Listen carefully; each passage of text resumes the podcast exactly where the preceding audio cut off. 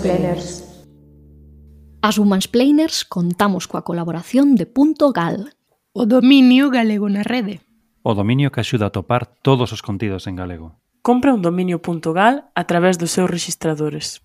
Podes atopalos en dominio.gal. Dominio.gal. Bon día, señoras, señores e señoros en vías de rehabilitación.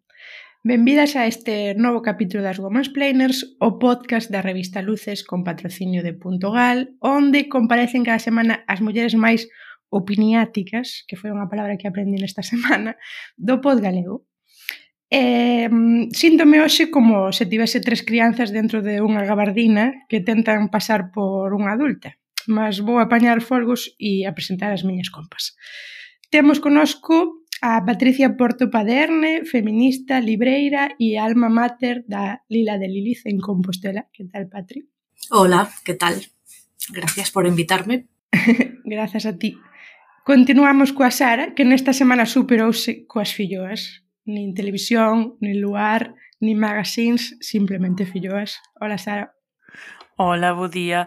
Eh, lamentablemente xa non queda ningunha para darvos a prova. a malvada profe, que nesta semana comezou un idilio con unhas vans. Eh, a ver, eu non son, teño que dicir que eu non son mm, nada de marquitas así en concreto. Eh, e desde logo, calzado non teño especial querencia por esa marca. Todas sabedes, as, eh, bueno, vos sabedes as presentes como souben da existencia delas, pero claro, é que eran do resplandor de Stanley Kubrick. E, e a min aí puidome a, mi, a mitomanía por enriba da, comod da comodidade. Entón aí están, xa se estrearei xa vos porei fotos e por último, no menos importante, Janito, nesta semana sabemos que vai abrir o colchón para retirar todo o diñeiro que ten aí e comprar máis vans para os fillos. Bueno, hubo mercando periódicamente porque os meus fillos estragan as vans, que é o motivo como se enterou a malvada profe de que, de que había esta oferta de vans, porque eu teño que estar pendente das rebaixas, porque os meus fillos, co skate, queiman as vans. Entón, uh -huh. teño que estar pendente. E xa falou, xa escoitastes eh, a Saboridiña, que parece ser que esta semana tivo unha semana tranquila, que non lle pasou así nada como moi destacable. Que pasou? Pois nada, pois cousas da universidade, outros traballos, cousas enguedellantes que ao final fan da semana unha semana pouco interesante, a verdade. Falábamos ao principio de tres crianzas metidas dentro dunha gabardina. Iso xa máis ou menos vos deu unha pista porque hoxe vamos falar do síndrome da impostora. Non sei se algunha de vos algunha vez tivo estes pensamentos de non ser o suficiente, de ser unha fraude. Dicídeme aí, confesade. Non sei se queredes que comece eu aquí de convidada a rachar o sí, adiante, adiante. E ademais sí, sí, sí. son proba vivinte de síndrome da impostora. O sea, eu teño eh, sufrino durante tempo e, e sigo a sufrilo, de feito, ahora estou que sinto o corazón latendo na miña gorxa, non? Eu o que teño é medo a falar en público, realmente, o sea, non é non ten que ver como, bueno, se se centra moito, non, no máis no tema laboral, na tema das capacidades de aceptar certo posto de traballo ou tal, o meu é eso de eh, poñerme de cara ao público e falar e tal. Entón, vamos, o teño super eh, aprendido, non? O que é, o que se, o que se sinte. Creo que máis que pensamentos eh, son tamén... Eh, o sea, é moito, moito máis, non? Que o que que podamos pensar, se foran solamente pensamentos, pois pues realmente os eh, poderíamos rebatir, no, internamente, decir, a ver, isto non ten moito xeito, non, e tal. Senón é como todo o que eh, como persoas nos implica, no, o tema de ansiedade, de, bueno, de bloqueos, todo isto. Vouche facer unha subpregunta a esta pregunta. Cando comezou iso? Sempre tiveches iso ou, ou só na idade adulta? Pois é na idade adulta. Ademais, é... o sea, sí que teño recoñecido o momento, pero non sei por qué. Non sei por qué. Supoño que, bueno, eu eh, de adolescente participaba en grupos, pois, en un grupo ecoloxista, lembro, no instituto, e fundar unha charla con 15 anos a un centro sociocultural Logo tamén no instituto fundar outra charla eh, sobre antimilitarismo a outro instituto, logo foi, foi na universidade tamén de unha charla e a partir dai se acabou. O sea, dicen, non puedo con isto, é superior a min. Eu durante moitos anos eu son educadora social, non? Experta en xénero. E durante moitos anos eh, daba obradoiros con grupos de mulleres, non? Entón, e traballaba temas de autoestima, tal, o sea, todo isto, o todo o tema teórico e mesmo vivencial, o teño así máis ou menos dominado, non? Mas sí que notaba en min mesma que en formato obradoiro me sinto cómoda, non? Porque é máis participativo todo, non? É como que se dilúe un pouco ese foco de atención eh, sobre min mesma, mas en canto me poñía en formato máis de charla, era cando me saltaban aí todas as alarmas. Entón, o sea, teño, pois, pues, vamos, desde os 20, 21 anos, en adiante. Malvada profe, contanos. Eh, nada, eu máis que falar de experiencias persoais, o que o primeiro que quería comentar é por que titulamos este, este programa Síndrome da impostora e non do impostor, que é como, como se coñece vulgarmente aquí nos, eh, pois na península, eu sempre, sempre lín síndrome eh, do impostor, no? ou del impostor en castelán, é o mesmo en portugués. En realidade, isto é unha traducción do inglés, en inglés a, eh, claro, o, o termo eh, imposta non, non ten marca de xénero, pero eh, correctamente habería que traducilo en feminino por un motivo, que que a, a doutora que, o, que, que acuñou este termo, que se chamaba Pauline Clance, eh, fixo despois de estudar estas, eh, estes fenómenos psicolóxicos nunha serie de mulleres que, bueno, a finais dos, dos anos 70 podedes imaginar nunha sociedade pois estadounidense, especialmente naquela época, non? pois aínda máis sexista do que pode ser a nosa hoxe en día, que tiñan eh, eran o que eles chaman high achievers, non? O sea, mulleres de, bueno, que moito suceso pois académico, profesional, etc., non? En postos de liderado, en postos de, eh, de ensino, en postos de investigación. Estas señoras tiñan todas eh, a sensación de que eran fraudes intelectuais e tiñan un medo eh, continuo a que as recoñecesen como impostoras, non? E iso provocaballes pois ansiedade, medo ao fracaso, mmm, falla de, de satisfacción en xeral coa vida. E claro, por ese motivo, pensamos que falar de síndrome do impostor pois é incorrecto, non? Porque porque é un é unha síndrome que se descubriu en mulleres e que ademais eh, acontece especialmente nas mulleres. E aquí, bueno, sí que podo falar desde un punto de vista persoal, eh, penso que o, a, a síndrome da impostora non é unha cousa que xurda así por así. É dicir, eu penso que tiven esta síndrome, non sei se a teño agora, desde logo se a teño, teño moito menos, e, e despois non agora, que non, non me presta tanto neste, nesta pregunta, pero, pero podo falar, si sí, quizáis, de, de certos eh, progresos non vitais que eu teño notado en mí mesma, cousas que melloraron. Pero é certo que eu coido que todas as mulleres, non sei se todas as que son intelixentes, pero seguro que todas as que son precoces dunha ou doutra maneira, eh, acaban sentíndose como impostoras porque eh, desde moi pequena te sinalan como impostora. É dicir, como alguén que non debe estar a facer iso, como alguén que non debe estar nese lugar, que non pinta nada aí, non? Eh, eu non sei se vos pasou a vos, pero eu sei que lle pasou a unha chea de xente e algunha delas que nos está escoitando hoxe, tamén eh, O, o feito de, por exemplo, se, se eras especialmente talentosa facendo redaccións, escribindo contos, imaginativa, ou, ou que facías, eh, por así dicilo, pois, non sei, eh, eh poesías, ou, ou, ou pintabas, ou eh, debuxabas, ou, ou mm, calquera cousa, bueno, de eso, de tipo creativo, de súpeto, algún adulto vía iso feito por ti e dicía, ah, non, non, non, iso non o fixeches ti. Iso tivo que facelo pois a tua irmá maior, a tua nai, tivo que facer outra persoa, non? Iso eu penso que é unha vivencia pois moi habitual en todos os nenos que de alguma maneira eh, tiñan pois algunha habilidade un pouco especial, non? A miña era no, no eido lingüístico, pero para outra xente pois igual era na pintura ou ou nas matemáticas, ou no que for, non? E de súpeto ti facías un traballo ou algo e a xente non cría que ti o fixeras. Teño que dicir que nunca me pasou cun profesor meu, teño, porque claro, o bo cando é o teu profesor ou o teu mestre é que el coñece as túas capacidades normalmente, a non ser que sexa moi obtuso ou moi obtusa pero, pero sí que me pasou con outros, con outros adultos, non? E despois, eh, cando falaba da precocidade, referíame tamén, por exemplo, no meu caso, eu cando comecei a, a, a dar aulas, a, ainda que levaba realmente dando aulas de maneira así de informal ou, ou, ou pasantías, cobrando en negro e tal, desde creo que desde os 15 ou 16 anos, que a primeira vez que axudei así no verán a algunha compañeira a, a probar unha pendente, Eh, a primeira vez que dei clase de maneira normal foi con 24 anos, xusto antes de cumprir os 25, creo, en Freiburg.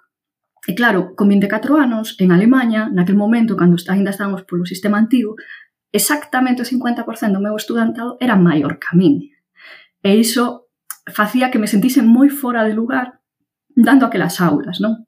E, e para empeorar a sensación que eu xa tiña antes de comezar, así unha anécdota un pouco absurda o día que cheguei, a biblioteca que, que ali era onde, onde eu deixaba os, os readers, non? Os, os, as, os artigos e tal para, os, para o meu alumnado para leren, eh, para fotocopiaren e así, estaba eh, co, recollendo unhas cousas que en realidad recollía non con, porque eu comprar unhas copias, sino collendo xa o que, o que o alumnado xa tiña que ter para leválo á aula, que era ali mesmo dentro da, da biblioteca había unha serie de aulas, e un dos profesores catedráticos ou dos profesores titulares do, do Departamento de Románicas, eh, onde eu daba clase na ratoloxía, mm, saudoume, díxome, pois, non, ali, pois, Guten Tag, tal, que era pola tarde, bueno, e dime, carai, cada día mandan vos máis novas á universidade.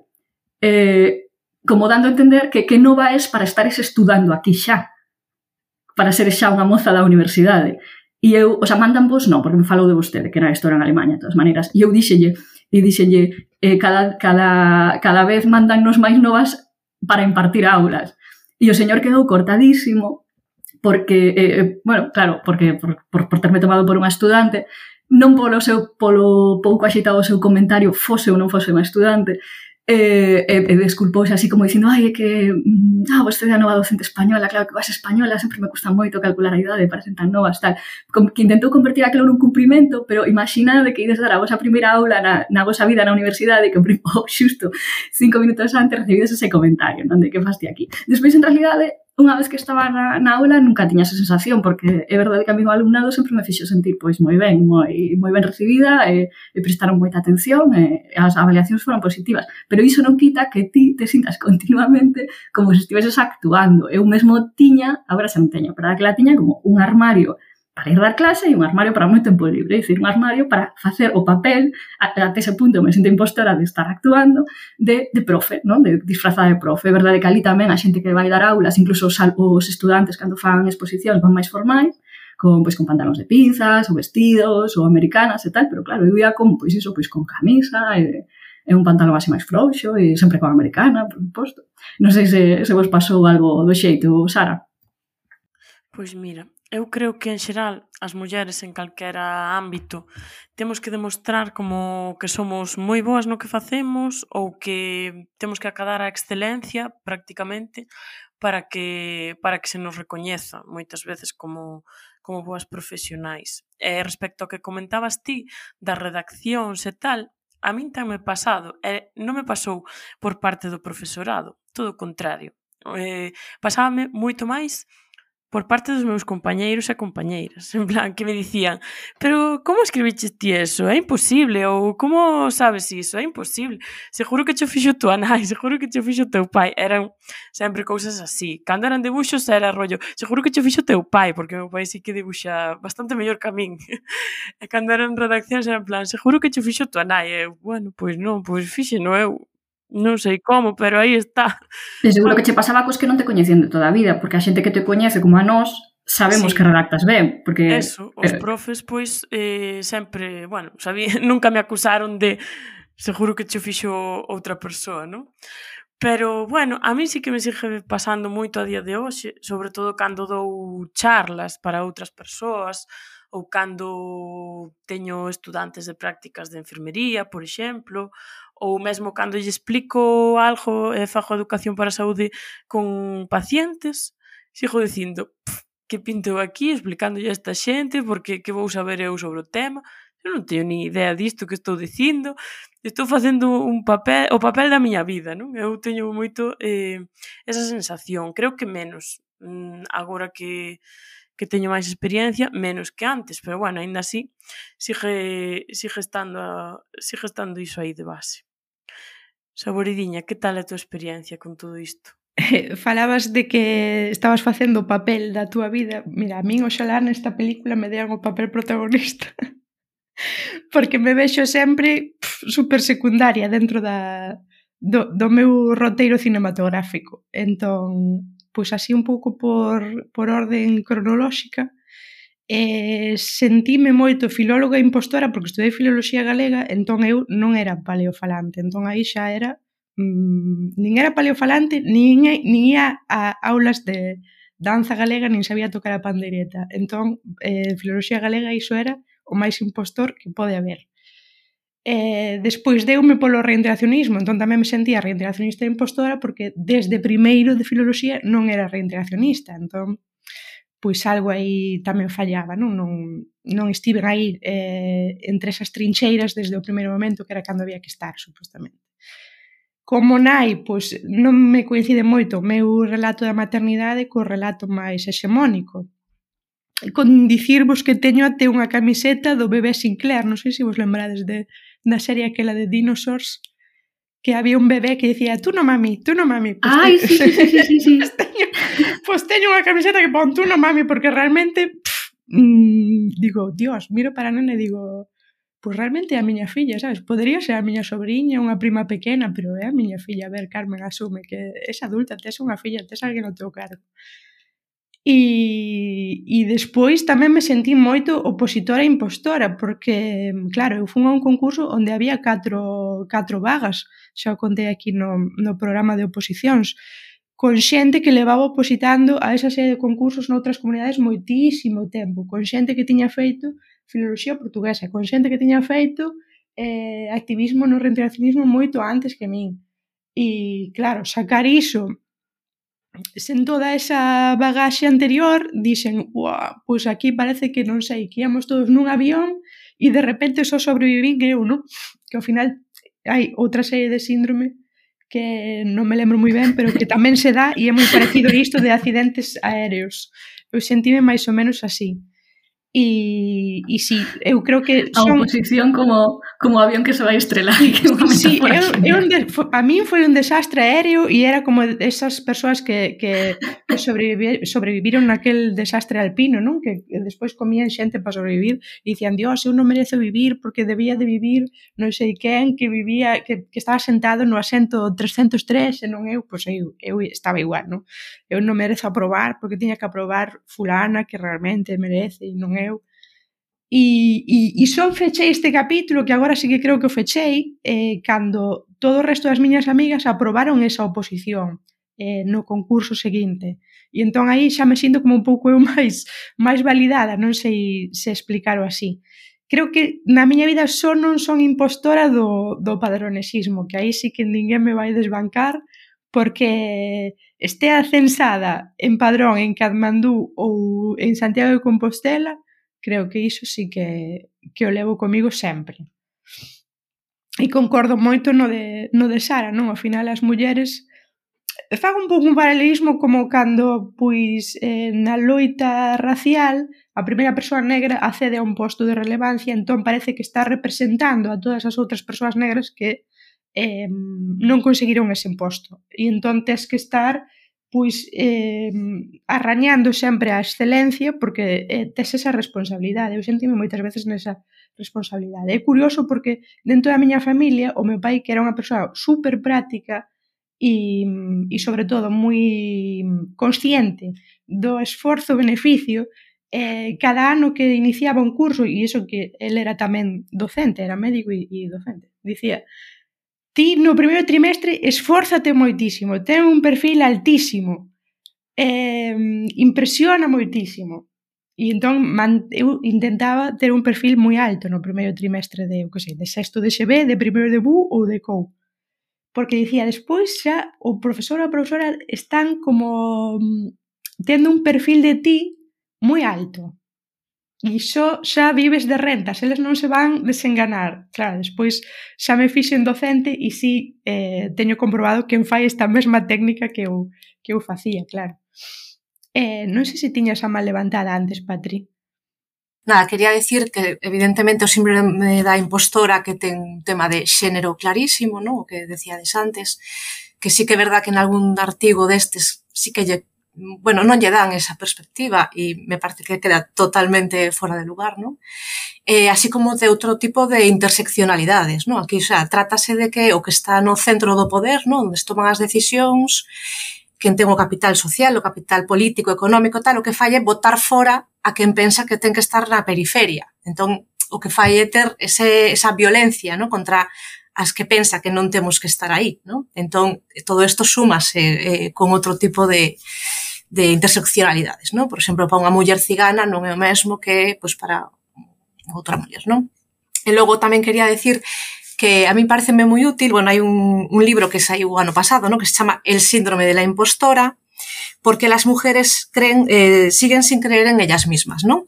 Que está escrito por dúas autoras francesas, ¿no? Son Elisabeth Cadoch, non sei como se pronuncia moi ben, e Anne de Montarlot. Entón, eh, nos témolo na libraría Lila, ali no, eh, no, no mostrador que temos, non? Eh, diante nosa. É moi curioso, bueno, chamativo, que é un libro que nos chama, lles chama a atención a moitísimas mulleres. O sea, é como un nome que, aínda que nunca os coitaras, en canto o lees, recoñécelo e sinteste identificada con el, non? O sea, quero dicir, eu cando estaba pensando a ver que eh, que mulleres ves o que lle pasa a isto? E que ao final, creo que a casi todas, non? E, e entón eso, comprobámoslo moito nese sentido, non? De que moitas, o sea, é un libro que se vende só polo título porque é como, ah, por fin recoñezo este malestar que, que teño e que me pasa e que ven porque hai xente que tamén falou desto e está falando disto, no? que tamén me parece importante de, de poñerlle nome ás cousas, no? para tamén un pouco apropiarnos delas eh, en todos os sentidos, tamén para facer humor, para, bueno, para falar delas, para diseccionalas, para, para todo. No? E iso era o que quería decir. Sara, contanos. Eh, despois de que comentasedes todo isto, eu quería preguntarvos se coñecedes casos de xente famosa ou de personalidades que comentasen en público ou que saibamos que tivesen eh, esta síndrome da impostora, porque ás veces creo que ver que xente que ten un gran percorrido no seu eido ou que acadaron logros moi importantes pois iso, reconfortanos un pouquiño, non? Saber que non, como que non somos as únicas que sentimos isto e que por moi alto que esteas eh, podes eh, ser víctima desta síndrome. Non sei se coñeces algún caso. Pois eu, eh, mira, eh, claro, que tamén, cando tes unha cousa, logo te fixas moita na, na xente que tamén ten esa cousa, no? co tema de pánico escénico e tal. Eu lembro de ver que, por exemplo, Bárbara Streisand, ten pánico escénico a cantar en público. Entón, contan que o pasa tan mal, tan mal, tan mal, que dá un, creo que é un concerto ano, algo así. E para dalo, bueno, non sei que ten que facer ela para poder eh, subir ali. Claro, eh, eh, chama moito a atención, non? Porque, dices, claro, unha muller que xa, pues, con todo o traballo que ten, non? De exposición pública, de tal, que lle pase eso, pues, é moi curioso. E logo, no libro este que vos contaba de síndrome da impostora, eh, falan, aquí sí que falan de que quen lle puso o nome o, o a, bueno, isto, eran eh, dúas psicólogas clínicas yanquis dos anos 70, non? E o que falan é, eh, tanto delas como outras que viñeron despois, que lle puxeron, o sea, se puxeron a investigar sobre iso porque o, o vivían en propia carne. O sea, é algo como que non é externo, non? De decir, eu vexo que non sei que lle pasa, sino que elas propias eh, o sentían nelas e nas súas alumnas e o veían tamén en mulleres as que iban a charlas, non? Entón que era tamén traballar cunha cousa que lles pasaba a elas mesmamente. Se non se equivocaron a pinchar, xa saben que isto é a actualidade está sobrevalorada, un podcast de luces, e que debullaremos o que faga falta con Ana Luisa Bouza, analista fina estilista. Hola, Ana.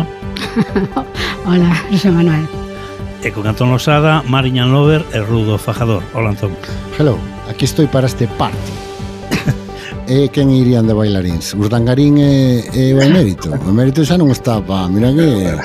Tes, Igual é que precisa un pouco de movimento de cadera. A cadeira tocou, quedoulle tocada de canto o elefante aquel famoso. Agora hai caderas con motor, eh? Igual non, pode... Non, pero non traspasemos esa línea vermella, non traspasemos esa línea vermella. Bueno, deixamos isto nos eh, creadores de memes eh, mm, Alberto e Alfonso como bailarín de Tanxugueiras abrindo a Porta Santa. Con golpes de karate Con golpes de Tanxugueiras con dereita, como delegadas regias. E santalices de percusionista. Bueno, moitas gracias a todos a, e a todas e, que hasta a próxima semana se si non pasa nada. A próxima vez que vayan clicar en internet pensen no pobre casero. Malvada profe. Eh, sí, eu estaba a pensar en dous exemplos a propósito da interseccionalidade polo tema de, de que son mulleres de cor. Eh, dúas señoras moi diferentes, as dúas estadounidenses. Unha, ela, unha é Maya Angelou, que diste pois, é unha premio Nobel, nada menos, pero que, que mesmo despois de recibir o premio Nobel, eh, confesaba que ela pensaba que, que enganara todo o mundo e que aínda ian descubrir, non? de que en realidad ela non, non era tan boa ni tan, tan brillante, nin as cousas que la facían tan interesantes como, como a xente pensaba que cada que algún día ian descubrir a súa mediocridade se prestaban un pouco máis atención. E outra persoa, moi curioso tamén, é Serena Williams, porque Serena Williams sempre pensaba que, que Venus era o Venus era moito moito mellor que ela e, e entón non, non entendía que as puxeran a par, non? Ela pensaba que, que a súa irmá era moito mellor. E até onde eu sei, só unha das dúas sufría síndrome da impostora, que tamén é ben curioso sendo, sendo as dúas eh, eh, xemeas, non? Pero, pero iso, que son dúas mulleres que ademais de pois desenfrontaren a, a seren eh, quizáis pioneiras non? nos seus eidos eh, como, como mulleres e como mulleres de cor pois que, claro, tiveron que, que soportar tamén unha cantidad de crítica que é lóxico que, que, que acabe facendo que dubides, bueno, que teñas unha autoestima máis frágil ou que dubides eh, dos teus propios méritos, non? Eh, Carmen.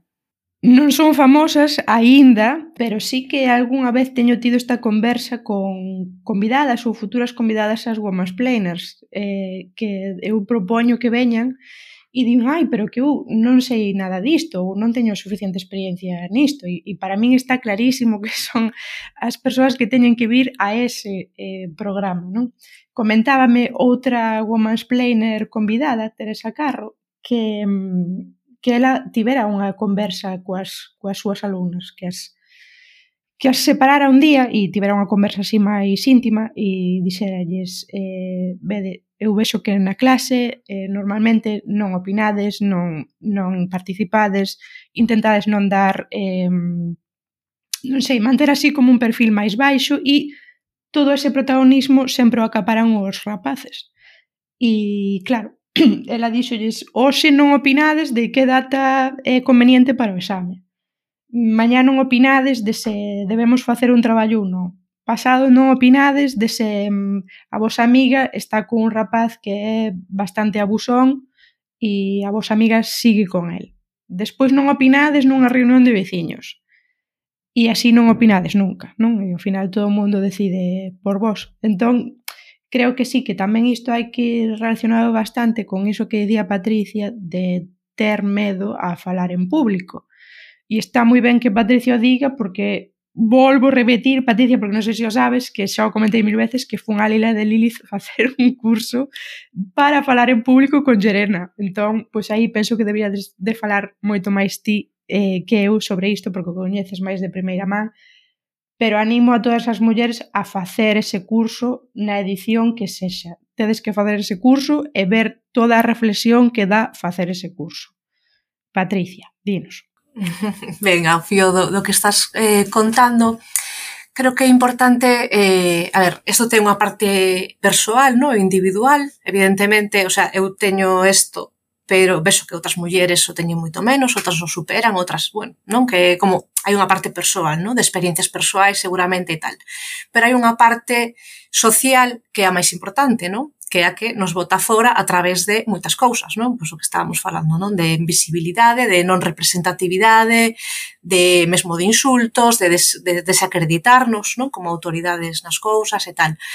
Entón, creo que tamén é importante non volver a culpabilizar outra vez as mulleres porque non se sintan eh, con forza para falar, non? Porque sí que se ve moito eso de decir, claro, eu neste programa de tele non levo a ningunha... Non, non lle pregunto ás mulleres porque es que non queren, non? Ou nesta charla non me llamo porque non queren elas. Entón, claro, mellor temos que facer a reflexión máis social, non? De decir como podemos facer para que estes contextos sexan tamén contextos nos que nos sintamos todas eh, seguras, que non nos veñan a, a insultar, que non nos, nos poñan entreditos, a todas estas cousas, non? Uh -huh e non volver outra vez a, a culpabilizarnos a nós, non? Porque estamos sempre coa culpa en riba, senón... Malvada profe. Sí, eu quería dicir que eh, é unha cousa que podemos facer como as docentes, por exemplo, non? Imagino que noutro, noutro tipo de, de contextos, se tes unha, unha posición de eh, de liderado ou de, de xestión ou de, de manager, de organización de algún tipo, tamén tamén podes facelo, non? E insistir en que outras mulleres falan. Eu, para mí, o máis o máis doado na clase é, é non só por, polo, polo tema de xénero, sino en xeral, porque hai hai persoas moito máis tímidas que outras e que nunca pido voluntarios para facer ningún tipo de tarefa nin para opinar. É dicir, eh, nas miñas clases eles teñen que asumir, e iso nas primeiras dúas semanas ou así unha loita, pero despois deixa de xelo, que sempre que, que se vai falar de algo, que se vai facer unha tarefa ou tal, que imos ir polo orden. E que, e que se che toca falar, que tens que falar. E que se non tes unha opinión, tens que inventala. Por exemplo, na, eh, eu imparto tamén clase de valores éticos, e ás veces a clase é solamente opinar sobre algo, eh, e ir pasando un obxecto, e cando tes na man non podes pasar. Tes que falar, sí ou sí. Eh, é un adestramento bastante forte, porque ás veces imos ter que que posicionarnos sobre cousas, igual, igualmente sobre cousas que nos poden resultar pois máis ou menos eh, irrelevantes para a nosa vida, pero que non o son para a vida dos demais, que é un asunto interesante tamén. Eh, eh, bueno, que carallo, no? que este, este podcast ao final tamén o fixemos para iso, e que todas tiñamos moito medo de gravarnos e de, de falarnos. Eh, e tamén fixemos un pouco o, o, o sinal do programa que fosemos eh, xente, o sea, señoras a falar do que sabemos e do que non sabemos. E que opinar do que non sabemos é moito máis difícil. Eh, vos sabedelo, claro, as subintes non, pero as miñas compañeras sofrenme cada vez que é como, non, non, pero que isto isto para a semana que ven que temos que gravar, non, que temos que gravar dous episodios en catro días porque a fin de semana non podemos, non me vai dar tempo a ler artigos sobre o tema, e, e non vou E ás veces, pois, por exemplo, esta semana eu sabía que non ia poder preparar o tema, non? E, e temos que, pois, iso é un, é un esforzo bastante interesante. Señoras, fagan podcast, por favor, grábense. E graven audios, manden as amigas e sobre todo os amigos, que se, que se afagan os homens a escoitar unha voz de muller aí moito tempo eh, opinando sobre cousas e, eh, explicándolles asuntos importantes e asuntos non importantes tamén, non? É dicir, para min, vamos, eh, non hai mellor exercicio que o que estamos a facer aquí. E tamén por iso, moitas veces é igual o, non sei, aos ouvintes lle chama atención. Nos convidamos a, a xente para falar de, de temas dos que non son expertas, pois porque a semana pasada tiñamos aquí eh, unha muller que, bueno, escritora, pero non deixa de ser bióloga, outra que tamén é escritora, pero non deixa de ser enxeñeira, e outra xornalista, eh, para falar de, de matriarcado, e non convidamos unha, unha eh, antropóloga, oh, estupendo, unha antropóloga podría facer ela mesma o podcast, en necesidade de estarmos nos por aí eh, deliberando, non? pero que pensamos que, que é importante que todas poidamos opinar de, de todo, aínda que as nosas opinións, obviamente, eu iso non vou defender nunca, vayan o mesmo que a dunha antropóloga, eh, é, é importante que, que divulguemos e que, e que desenvolvamos tamén pois, un pensamento crítico e unha... Eh, e, sí, e que intentemos aplicar o que aprendemos ás nosas propias vidas, non? E, e comparalo, Sara. Pois, como comentabas, María, e como comentaba antes Patricia, eu penso que o tema da representatividade é moi importante. É moi importante ter referentes e ver que hai mulleres en postos de poder, que hai mulleres falando en público, que hai mulleres opinando. Por iso, eh, como ben dicías ti, señoras, facede Sara, Sara, Sara, un, un segundo que te vou interromper. E que fan todo iso en galego, que sempre nos esquecemos que pasa iso no noso podcast. Porque así como dicía Patri, que moitas veces non chaman a mulleres porque non hai mulleres que queiran facer iso, Na TVG parece que só saen señores falando castellano porque son os únicos que deben de saber sobre os temas. Aquí viñeron mulleres uh -huh. falando de temas, falando de temas en galego e non pasou nada. Desculpa que te interrompes. Un inciso moi importante, efectivamente. Señoras facendo cousas en galego, facede máis cousas en galego, por favor, porque estaremos encantadas todas de escoitarvos e de saber que podemos estar aí falando na nosa lingua como, a, como fixaron, por exemplo, as tanxugueiras e este boom que tiveron, pois creo que é importante para a música tradicional e para as mulleres tamén, para saber que podemos chegar aí falando en galego. Eh, por outra parte, eu creo que expoñerse en público cando és muller non é sinxelo, porque eu creo que somos moito máis proclives a recibir eh, opinións absurdas de outra xente, insultos eh, e odio. Entón, E é comprensible tamén que moitas non queiran arriscarse a facelo. Janito, que? Tes algo que, que comentarnos? Naturalmente, pero neste caso en realidade non son eu que ten que comentar, senón que pedimos audios esta semana e eu creo que precisamente polo tema que era houve unha grande resposta de mulleres que sentiron o síndrome impostora e non enviaron o seu audio. Pero sí. bueno, a que sí que conseguiu vencelo foi a nosa amiga Carmen. Moitas grazas a Carme Figueiras, que é a nosa, unha das nosas ouvintes fieis e queridas, por enviarnos este audio. Pasamos en más a escoitalo. Ola, Woman's Planers.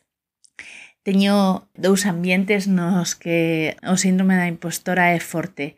O primeiro é eh, cando falo en galego porque podíamos considerar que eu son neofalante e eh, ás veces eh, si a situación na que estou é eh, unha situación na que me sinto moi observada eh, sobre como falo galego mmm, faiseme bastante dura.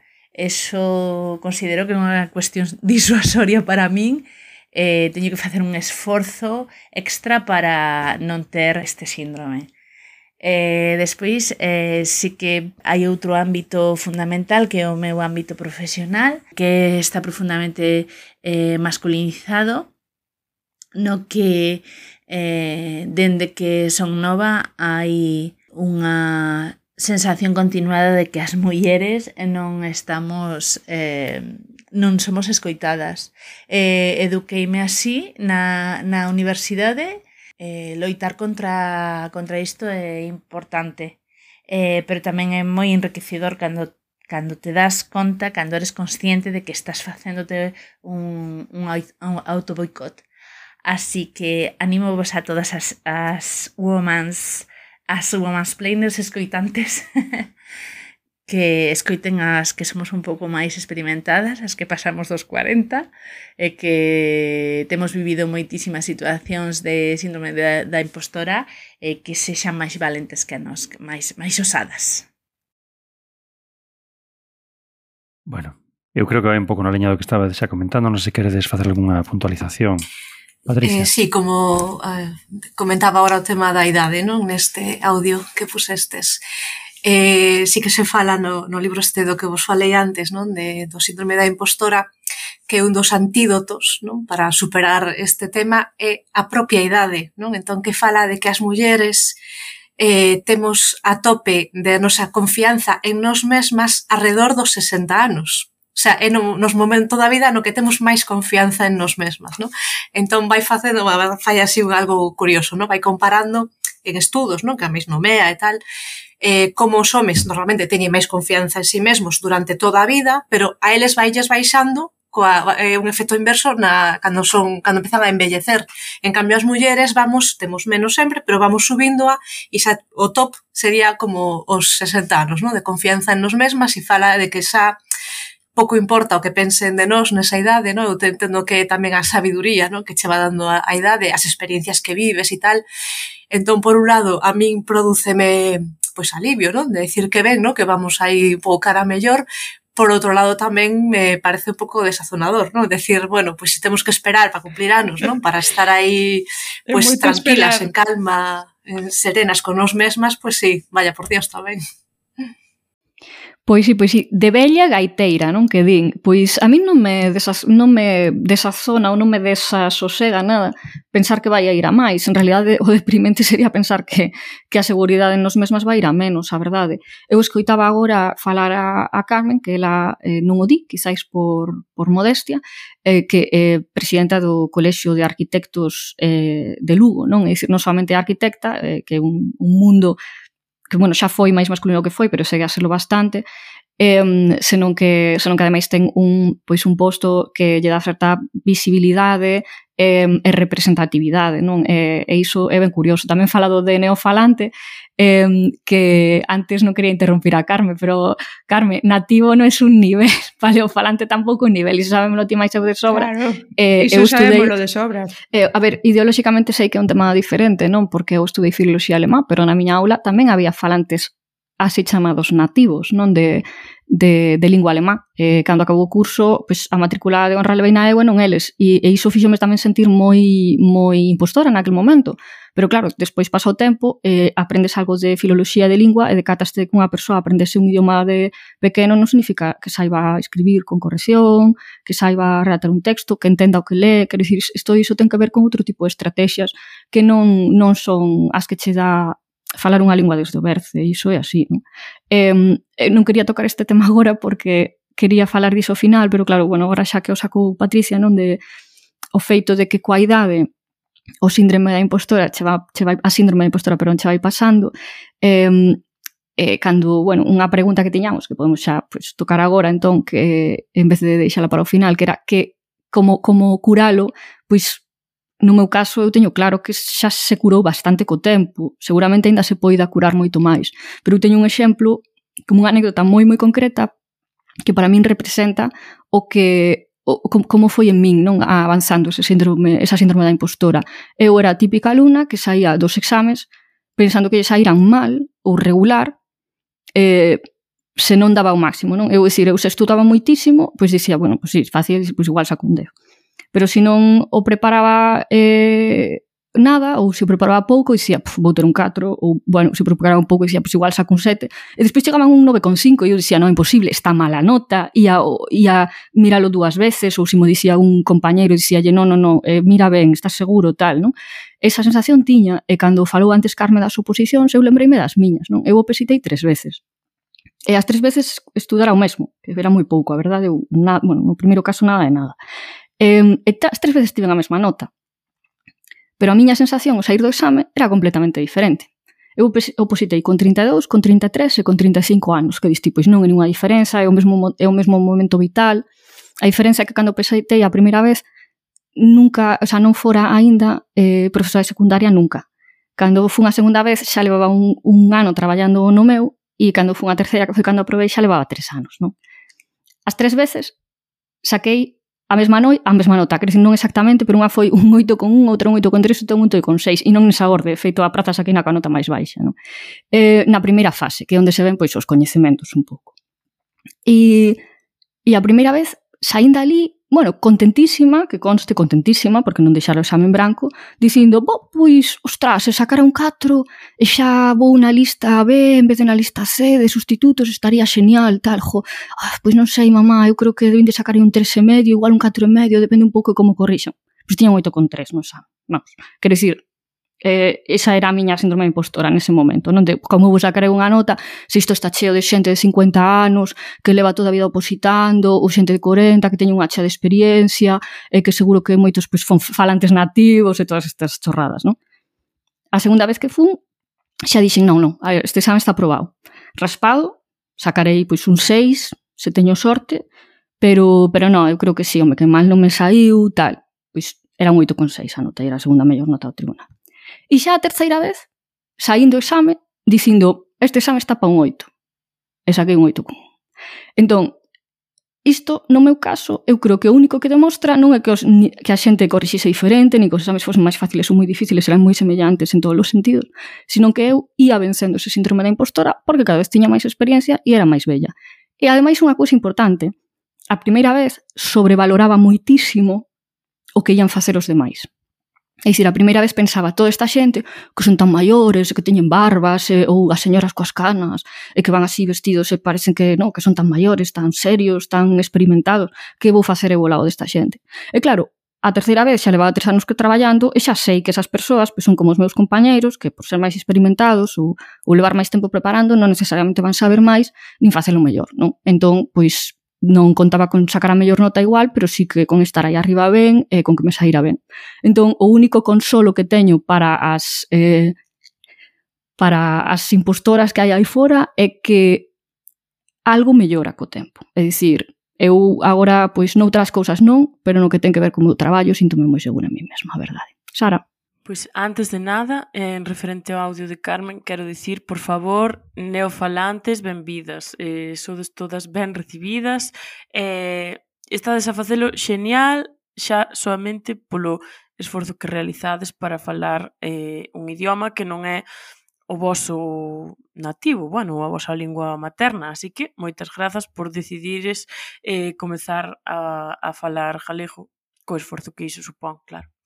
E despois, mm, como se cura a síndrome da impostora?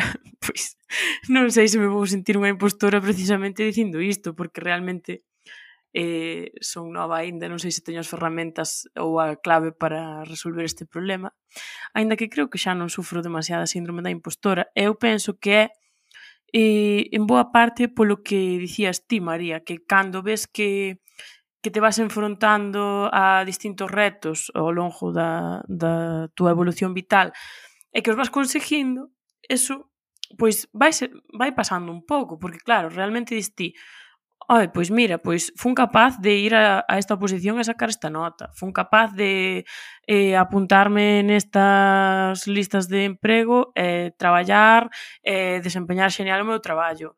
Fun capaz de, non sei, de ser unha nai estupenda. Fun capaz de ser unha xefa excelente.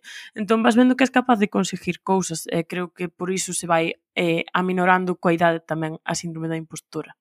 E o importante que é recibir e dar eh, reforzo positivo. Por exemplo, nas compañeiras. Eu agora, eu teño a sorte de que dentro do que cabe, eu comecei con 32 anos en secundaria, porque eu non quería comezar con 23, como outra xente, porque non me sentía capaz. É dicir, o meu síndrome, a miña síndrome de impostora era tal que pensaba que con 23 anos que lle ia ensinar eu a, a un neno de de adolescente que eu primeiro tiña que vivir un pouco para, para poder poñerme diante deles. Igual non foi unha mala decisión, despois falaremos de outro tema que son as caras positivas da síndrome impostora, non foi unha mala decisión porque estaba máis preparada cando comecei, pero que importante é que de cando en vez o teu xefe de departamento ou a tua compañeira ou mesmo as familias, bueno, as familias e os, os nenos fano constantemente, non? Pero que, que te feliciten, non? Por o teu traballo.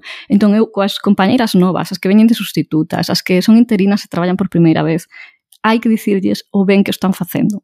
Hai que sobre todo reforzar o positivo, ademais de, pois, por suposto, darlles consello eh, e, e axudala sempre que che pidan unha man, pero dicirlle, estás facendo moi ben, eh, está todo o mundo moi contento contigo, tal, iso é super importante, precisamente para que non se sintan, bueno, para que se sintan pois parte da equipa eh, e que sintan que están, bueno, que, que, que é o seu lugar, que están onde teñen que estar.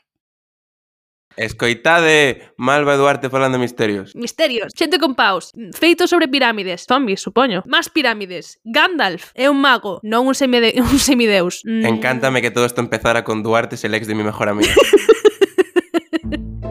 Tamén eres un dos meus besties, tía, agora. Así que non te preocupes. Coma cuñas... Coma... Coma cuñas e xa todo esta peña non vai escoitar o podcast que tiña posto, eh. Teño que marchar.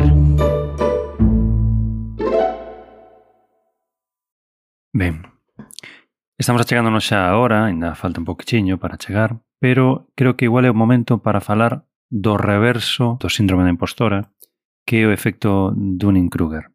Este efecto, para que non nos saiba, é pensar que és un experto cando tes un coñecemento mínimo sobre unha materia. Este efecto, para sorpresa de ninguén, dase máis en homes que en mulleres. Que opinades sobre este tema? Ben, eu, Patricia. bueno, volvendo ao libro este, non, que estuve estudando esta semana para este programa, eh, sobre o síndrome da impostora, pois tamén poñía o foco, non, eh, tamén eh, na outra parte, non, na, na dos homes. Bueno, cando falamos de homes e de mulleres, sempre estamos generalizando, non, sempre hai excepcións, mas sempre a maioría das veces dos casos, non, por como se nos socializa, tende a, a cumplir todo isto, non. Entón, sí que falaba, non, de algún estudo que decían que ante unha, por, por exemplo, ante unha proposta laboral, no? que os homes tenden a sobreestimar as súas capacidades. En cambio, as mulleres tenden a infravalorar as súas capacidades. Que os homes primeiro se posicionan como expertos e despois xa aprenderán o que teñen que aprender. En cambio, as mulleres temos que estar moi, moi preparadas para empezar a facer algo, non? E despois que cando hai fracasos, cando hai algún fracaso, os homes tenden a facer unha atribución externa dese fracaso, a decir, bueno, isto foi porque eh, era moi difícil, no? o examen ou o curso ou o que sexa. En cambio, as mulleres, no? que era un pouco que estaba falando antes, tendemos a facer primeiro a atribución interna, a decir, pois eu non estaba ben preparada, pois é que eu non son boa nesto, a min fallame eh, tal cousa. Non? Bueno, eh, tes toda a razón, eh, Patricia, ese libro estudáchelo moi ben. eh, ademais, eu penso que, que os homes, dende ben pequeniños, como dicías, eh, están como máis educados para pois para que falen, para que opinen, para que se expresen, eh, se fulanito ten iniciativa é un líder, pero se fulanita ten iniciativa é unha mandona, xa empezan a verse esas diferencias dende, dende que as crianzas son ben pequeniñas, non? E que ademais esta, esta síndrome que lle pasa eh, maiormente aos homes, que ten un nombre moi extraño que xa se me olvidou, pois eh, Mm, eu creo que se dá en calquera cousa, pero é que ata na máis ridícula. Por exemplo, onte que subín eh, a foto das filloas eh, un señor descoñecido que eu non sabía nin quen era comentoume eh, no, na, na foto o rei das filloas son eu. Eu en plan, Pero a min que me contas, Manolo, é que non sei. Sabes, subí unha foto dunha filloa, non sei por que estás que vir dicir isto aquí, sabes? É que ademais, claro, probas sobre empíricas, todo que estas non, monarquías non só se dan no rei das tartas. Claro, é que de verdade, non o entendo. Sempre, non sei, este, este, este ímpetu por, por querer demostrar que é o mellor en todo, non sei, é que é un pouco desesperante. Que agora falache, Sara, de de interaccións en Twitter, non? Porque eu creo que este esta síndrome podía chamarse podía chamarse sinceramente, en vez de o nome que ten, podía chamarse Twitter, porque sempre síndrome do home tuiteiro. Es, exactamente, porque se sinten como moi a vontade para dicir que eles saben de todo máis que ti, cando os coñecimentos que teñen son, non sei, ti estás falando, eu estou falando, imaginar, en Twitter de algo técnico, que eu sei que o sei, e que o teño fresco, porque o acabo de estudar E entón ven alguén con coñecementos de, eu que sei, de segundo de ESO e dime, pois non tes razón, porque eu sei máis que isto, que expós e de oídas, pois vouche dicir que non sei que. E, e moitas veces véxome como no, no cousa moi estúpida de dicir, a ver, fago pedagogía e digolle a este señor que teño estudos universitarios que avalan isto que estou dicindo ou deixo isto pasar, porque eh, varios comentarios que teño feito en Twitter sobre cousas técnicas reciben cinco comentarios como estes de, de, de cuñados. Eh, e vexome moi indefensa nese sentido. Por eso teño un tweet fixado no meu Twitter que é, a ver, eh, son filóloga, ou iso ou vou ter que dicir como Ana Obregón que son bióloga e sei cousas cada tres segundos, porque a pobre da muchacha ten que estar dicindo todo o día que é bióloga tamén. Eh, Eh, Patricia, non sei que pensas disto. Pois, eh, mira, eh, hai outro libro, do, bueno, hai máis libros non interesantes sobre este tema. Hai un que é super interesante, chamase Mulleres e Poder, un manifesto de Mary Bird, que foi traducido traído agora ao galego por María Alonso Seis Dedos en Hércules Edicións. A verdad que os recomendo moito. Eh. Recomendamos moito ese libro neste ah, podcast. Ah, vale, vale, estupendo. bueno, entón... É un clásico do podcast. Vale, vale, estupendo. Entón, claro, dá moitas claves, non? Co tema este de, de donde nos ven, non? As mulleres, ou de a dificultade, non? De, de falar en público, como, como se nos foi expulsando, non? E que a mesma vai poñendo os exemplos, claramente, non? En este momento Telémaco eh, que lle di isto a Penélope, logo pasa isto, isto e isto. E logo cando fala do tema de Twitter, por eso ahora me estaba eh, lembrando del, que non sei se o tedes comentado, como ela eh, fala, bueno, na última parte do, do libro de das mulleres que teñen poder e logo tamén eso das mulleres en, en Twitter, no? como ámbito público. Entón di que realmente o que se fai é eh, trasladar a este medio o que xa se vin facendo habitualmente que desacreditar as mulleres, ademais es que sempre es cos mesmos insultos e os mesmos apelativos, no? que teñen que ver sempre con temas de sexualidade, con temas de corpo ou con tema de capacidade intelectual. No? Entón, o que se fai é trasladalo aí, que eu creo que aí é máis, eh, non sei, eh, bueno, pois pues, o tema do anonimato, o tema de que, ve, de que moita xente ataca a mesma persoa, o sea, hai como é moi moi agresivo, non? Pero que eh, realmente o que se está trasladando é o mesmo, decir, as mulleres non temos que ter voz no espazo público, entón cando, cada vez que o temos, ven alguén a demostrar que, que non se pode ter. Podgalego. Podgalego.agora.gal Oh, ah, eu sabía que era punto. A ver, veña, dicímolo outra vez. Podgalego. Podgalego. Podgalego. Podgalego. Podgalego. Podgalego.agora.gal No, outra vez, outra vez, outra vez que non está, non está grande agora. Moita xente facendo cousas moi interesantes que está comunicando en galego podgalego.agora.gal Malvada profe.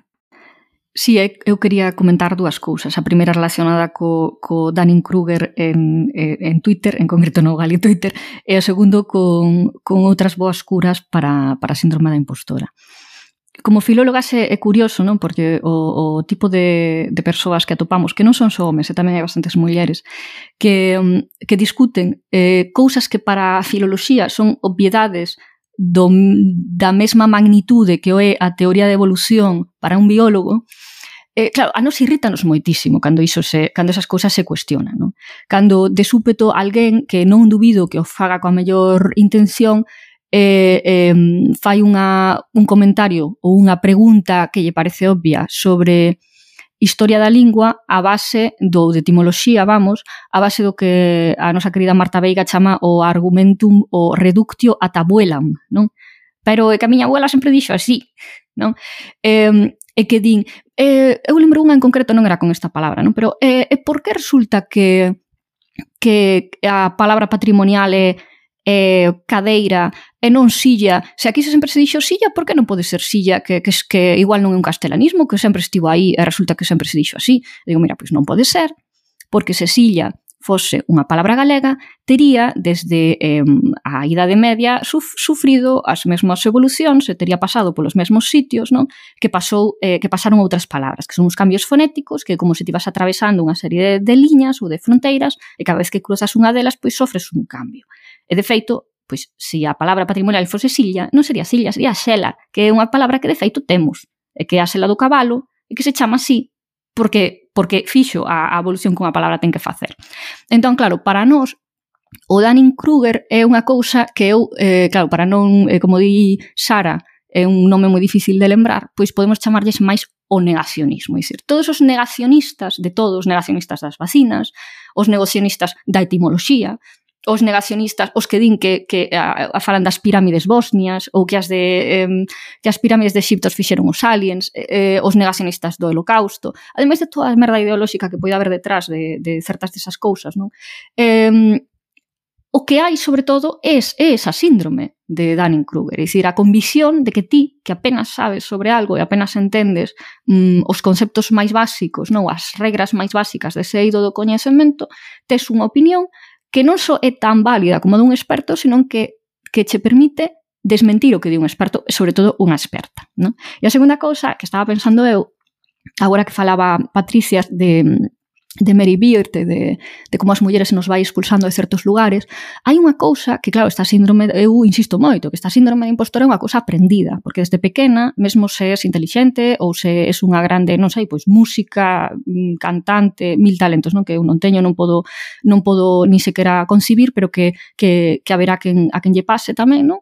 Eh, que si che din que aínda alemai, aínda que sexas boa, o que tes que ser sempre é moi modesta, é moi humilde, porque esa é a virtude das rapazas, non? Porque a, eh, o orgullo, o liderado, a ambición son privilexios masculinos. Eh? Ao final, acabas crendo parte diso. Eu pensaba que, mm, polo que me dicían na casa, sobre todo a miña aboa, non que tiña é unha persoa unha grande defensora deses valores cristianos e femininos, non? que, bueno, ao final, sempre os transmitimos as mulleres unhas a outras, eh, que, que eu non era modesta. Pero despois, unha vez cheguei a Alemanha e atopeime, eh, xa levaba uns aniños en Alemanha, quizáis dous ou así, e acababa ali a miña, bueno, eh, a miña financiación non para estar eh, en Freiburg, ía solicitar outras bolsas ou outros contratos. Estaba a redactar unha, unha eh, carta de solicitude e dei a ler, cando a rematei, ao meu compañeiro, con quen eu impartía un, un curso, meu compañeiro Beana Xefke, que nunca vai escoitar isto, pero Beana, que te moito, con quen impartía eu a miña o meu curso de, bueno, de estruturas narrativas no, en textos medievais, non? El facía parte de escandinavística e eu de xermanística. E cando allí, ya din a ler, estaba escandalizado. E dime, pero isto é un desastre e eu digo, pero que pasa, está mal redactado hai erros de gramática, eh, non é suficientemente eh, cortés? E el, non María, que isto, ti non podes enviar isto ti non te podes vender por menos do que vales e eu, como vender por menos do que vales? Non, pero estas formulacións, ti estás aquí mm, eh, minimizando os teus méritos, ti estás omitindo isto e isto, ti non estás eh, salientando pois estas cousas, tal. Eh, e claro, pois tiña toda a razón do mundo, non? E iso tamén é unha cousa cultural, porque é verdade que en Alemanha, aínda que estou segura que é a mesma desigualdade de xénero ou máis que aquí, en certos eidos, sí que é certo que as crianzas non son educadas nesa falsa modestia eh, continua eh, e, e dolosa, non? en esa, e tamén nesa envexa cara ás persoas que destacan. De feito, unha grande diferenza cando faz unha pregunta nunha aula tanto de instituto como de facultade Eh, en Alemanha e en España e que se faz a mesma pregunta nun sitio ou noutro eh, no Estado español eu creo que, bueno, digo, eu teño máis experiencia aquí en Castela non ou noutros sitios. Preguntas algo que todo o mundo sabe é probable que ninguén levante a man para responder aínda que sea unha obviedade, precisamente sea unha obviedade ninguén vai levantar a man para responder por modestia, ou por falsa modestia ou por non querer chamar a atención mentres que en Alemanha, mesmo se ninguén sabe a resposta a metade da clase vai levantar a man para plantexar unha hipótese por moi estúpida que sexa. E iso é unha cosa maravillosa, porque facías que as aulas da facultade pudesen ser moi dinámicas, moi participativas, moi prácticas. E aquí é, dif é máis difícil facer ese tipo de aulas, eh, a lo menos en, con adultos. Con, claro, a min por iso me encanta dar primeiro e segundo de eso, porque aí os nenos aínda non aprenden, non teñen iso interiorizado, aínda son moi espontáneos. Non? Pero bueno. Eh, Patricia, creo que ti tiñas unha, unha última pregunta para hoxe, verdade? Hmm.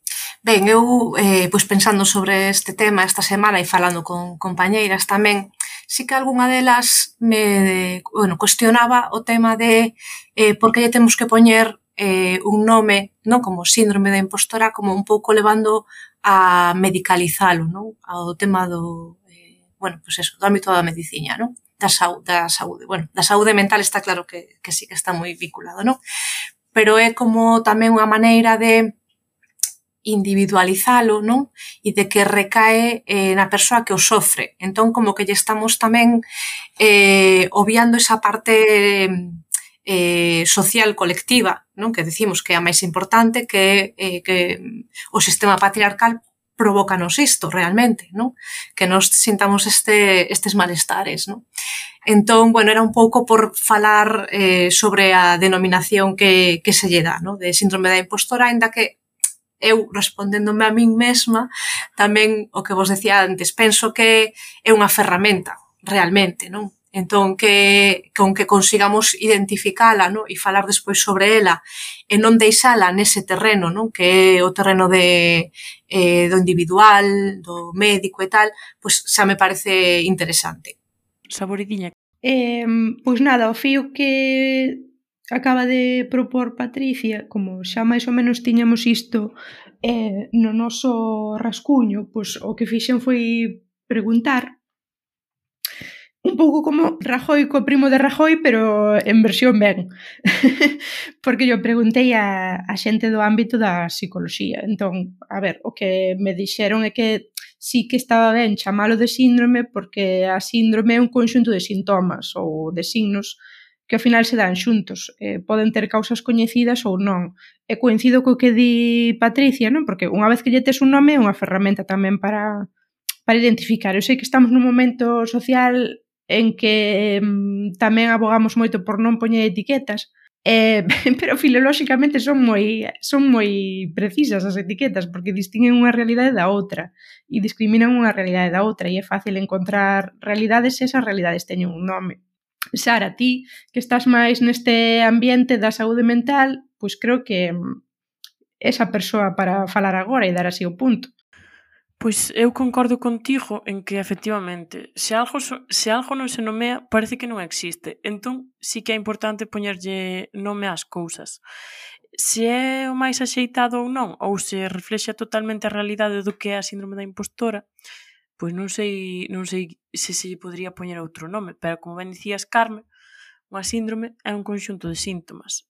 Eh, estes síntomas, eh, cando se experimentan de forma intensa que, que che impiden levar pois, eh, unha vida normal, entre aspas, ou a vida que ti desexas levar, efectivamente acabanse transformando eh, en algo patolóxico. O que sí que tamén me parece importante é o que di Patri, que hai que deixar claro que as causas non son individuais, senón que son produto dun, do sistema patriarcal no que vivimos, efectivamente. Dime, saboridiña. Pois quería relacionar isto todo, todo o tema do podcast ao final. Eh, un pouco coa doutrina do capitalismo, porque eu teño pena que a sociedade non te forme para ser boa persoa, non? A sociedade está moi focada en que ti sexas a mellor, que ser a mellor non quer dicir sempre ser boa. Eh, E, e dame lástima que iso sexa moitas veces a mensaxe que transmitimos como docentes, con números, con notas. E é unha, un, pois non sei, é como unha mm, conversa que teño sempre moito co meu, co meu alumnado, non? Que mm, esa loita sempre, esa competitividade e, e, e teño pena que iso nos, nos afecte máis a, as mulleres ata o punto de termos que ser sempre brillantes e non poder nunca estar relaxadas nun ambiente eh, en que sí, en que poidamos falar sen, sen ter que dar sempre o noso mellor e, e ter que estar sempre presionadas por iso. Patricia pois eh, tamén, eh, bueno, como libreira, libreira, libreira traigo aí outro libro máis que, que me surdiu, no? cando estaba preparando isto, que é un álbum infantil, no? un álbum ilustrado, que se chama Daniela Pirata, que é de Susana Isern e Gómez, no? Eh, entón, é un libro que se véndese, no? que é como de empoderamento, apoderamento das, das mulleres, neste caso da, das nenas, no? Pero claro, cando lees, dis, mi madriña, o sea, que é o que estamos transmitindo, non? Porque unha moza que quere ser pirata, entón diríxese a un barco pirata, E entón dinlle que non, que non pode ser, entón dinlle, bueno, pode ser si, si demostras que eres forte, entonces ela demostra que é a máis forte.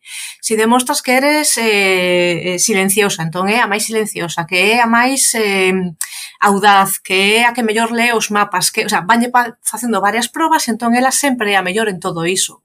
Entón, finalmente, aceptan nese barco, eh, e de feito, bueno, logo quedase de, de de capitana non do, do barco. Pero claro, terminas de lelo e dis que isto é o que nos están dicindo sempre, non? Se si nos queremos entrar nun ámbito no que non estamos, non?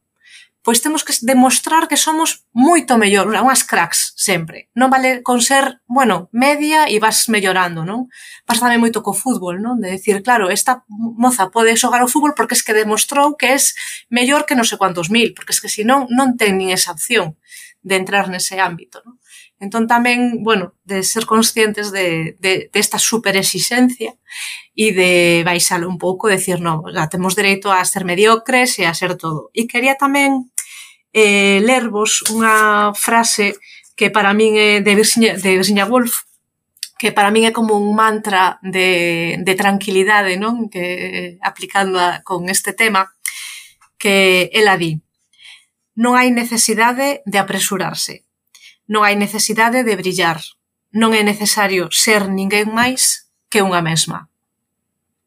Non? E é un pouco, parece todo o contrario, non? Donde se nos está dicindo continuamente, non? Que es apresurarse, brillar, tens que ser a mellor, tienes que dar lo mejor de ti, porque tienes que cumplir tus sueños, porque tienes que non sei que, non? Toda esa exigencia es como, no, vamos a relaxar, non? E a poñelo, non pois temos que tamén, non, que se fala de pois ser simplemente, non facer todo o tempo e facer ben, sino ser e polo que somos, pois xa está, non? Non facer nada máis. Non sei que pensades.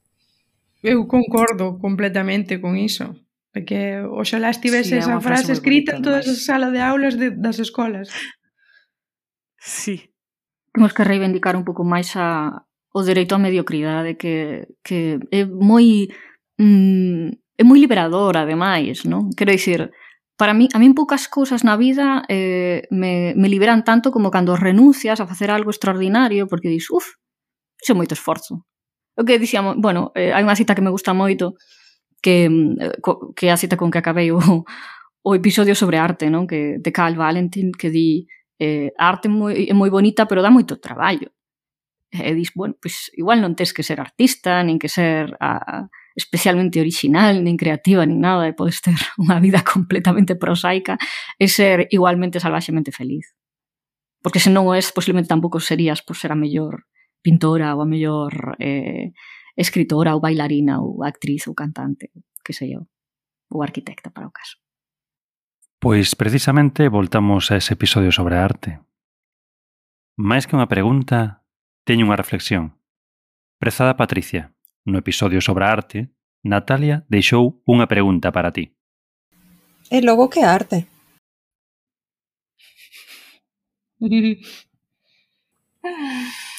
Ai, que, que sinxelo, non?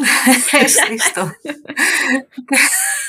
Sí, a verdade é que é unha pregunta facilísima. Que contestas unha pregunta frase, para, para a hora sí, do vermú, sí, eh? Total.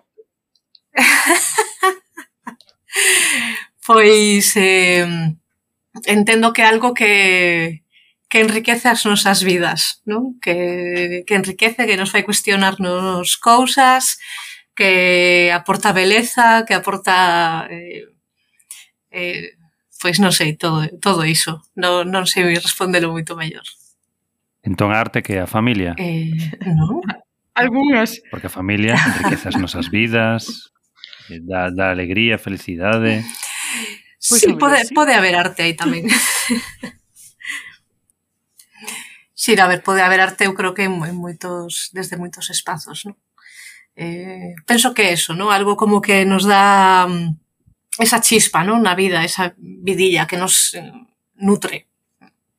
Moi ben. Bueno, pois eh, creo que eh, especialmente axeitado que se xa eu que despida este programa sobre a síndrome da impostora xa que son asistente ou asistente neste, neste podcast. Agradecer moitísimo a Patricia que vencera a síndrome que viñera que viñera a compartir connosco. Evidentemente, eh, a síndrome estaba totalmente infundada. Moitas grazas por ouvir, Patricia. Moitas grazas a vos por convidarme e é verdade que me costan a mí estas cousas, pero recoñezo que tamén me estimulan moito e me, e mo, me motivan. E a verdade que estive moi cómoda. Moitas grazas a vos. Bueno, eu debía tomar aquí eh, leccións de, de saboridiña decirte que tes que vender a libraría e eh, decir que tal que visitar Lila xa de me, Lich, Xa me pisaste me, a miña despedida, xa non sei que dicir a despedirme. Claro, claro, tes que dicir se queres o enderezo, dicir onde estás, o que vendedes e todo iso, aproveita o momento. Bueno, pois pues a libraría Lila de Lilith está situada na zona bella, en Santiago de Compostela, na Rúa Travesa, cumplimos, fixemos dez anos, agora no outubro pasado, é unha libraría especializada en feminismo, Entón, pois temos bibliografía eh, seleccionada, non? Desde, desde esa perspectiva, sempre as persoas que estamos ali, pois Mon e máis eu, somos persoas formadas eh, en temas de xénero, eh, entón que, que ofrecemos a maiores, non? Sería unha librería especializada eh, nese sentido, non? E logo, e todo o que se fai ali, eh, pois presentacións, eh, fanse obradoiros, fanse clubs de lectura, estarse, bueno, bastante dinamismo nese sentido, sempre ten que ter eh, eh, pues, neste eixo non? De, de tal. É eh, verdade que durante unha época compartimos con outra libraría, Ciranda, que está aquí Carme, entón tamén agradecerlle a, a Carme eh, ese, ese momento non que tivemos de, de convivir ali xuntas dúas librarías, non? que a máis eu creo que é unha cousa bastante inédita e que seguramente contribuiu a que a libraría Lila o se siga, siga en marcha pois ese, esa convivencia que fixemos entre as dúas. Eu recordo con moito cariño. A verdade é que teño moitísimas saudades de, de ter unha libraría. Un día, un día, quen sabe. Bueno, Carmen, aproveita, despídete xa, xa que estás falando. Grazas por ouvir tamén, claro. Como sempre. Pois sí. Pois, obrigadísima Patricia e, e xa o dixo todo Janito, fixeches un programa xeñal. Así que que saibas que a túa casa e para outro programa que queiras, aquí estamos. Grazas, Sara, por estar aquí, como sempre. Moitas grazas a todas vos, un biquiño. E moitas grazas, malvada profe. Moitas grazas a vos. Eh, Por certo, compañeiras, a semana que ven vémonos en persoa. Isto as ouvintes non teñen por que sabelo, pero este Deica a semana que ven non é o Deica a semana que ven virtual de sempre. Que a semana que ven hai festa. Sí, porque, como sabedes, festa. as Women's Planers, que é un podcast da revista Luces, Luces está de celebración, celebra o noso número 100. Chon, chon, chon. E van facer unha pequena festa este sábado. Publicas esto xoves, a festa será este mesmo sábado. Bueno, eh, moitísimas grazas a vos que estades sempre aí. Empeza Hoxe empeza o noso segundo ano de Women's Planning e escoitámonos a semana que ven. Ata logo. Deica. Un bico. Chao, chao.